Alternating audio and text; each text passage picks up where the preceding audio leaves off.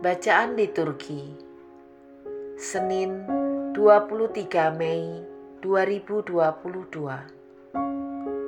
Hari biasa Pekan Paskah 6 Bacaan dari Kisah Para Rasul.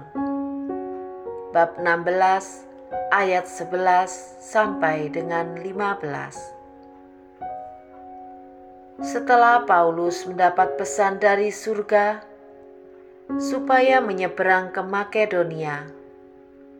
Kami, Paulus dan Silas, bertolak dari Troas dan langsung berlayar ke Samotrake. Keesokan harinya, tibalah kami di Neapolis. Dari situ kami ke Filipi, kota pertama di bagian Makedonia ini, suatu kota perantauan orang Roma. Kota itu kami tinggal beberapa hari. Pada hari Sabat, kami keluar pintu gerbang kota.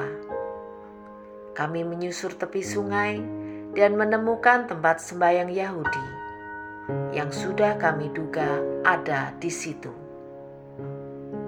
Setelah duduk, kami berbicara kepada perempuan-perempuan yang ada berkumpul di situ salah seorang dari perempuan-perempuan itu yang bernama Lydia turut mendengarkan.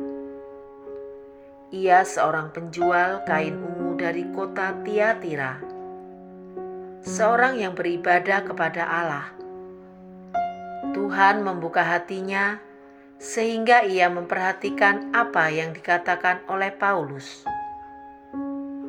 Sesudah dibaptis bersama-sama dengan seisi rumahnya, Lydia mengajak kami, katanya. Jika kamu berpendapat bahwa aku sungguh-sungguh percaya kepada Tuhan, marilah menumpang di rumahku. Ia mendesak sampai kami menerimanya. Demikianlah sabda Tuhan.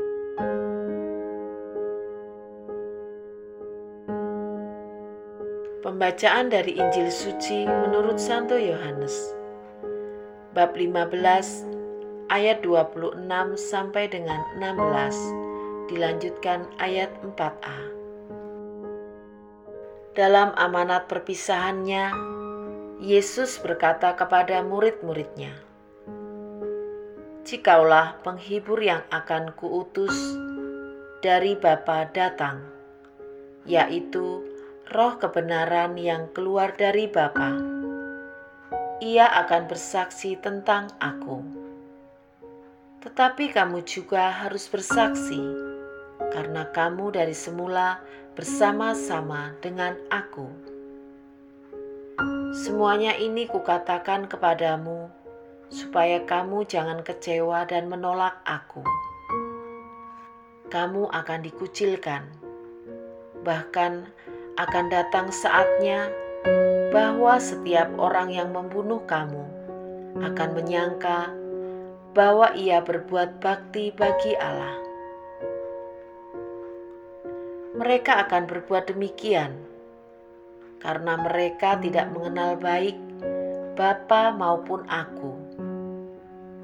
Tetapi semuanya ini kukatakan kepadamu, supaya apabila datang saatnya kamu ingat bahwa aku telah mengatakannya kepadamu. Demikianlah sabda Tuhan.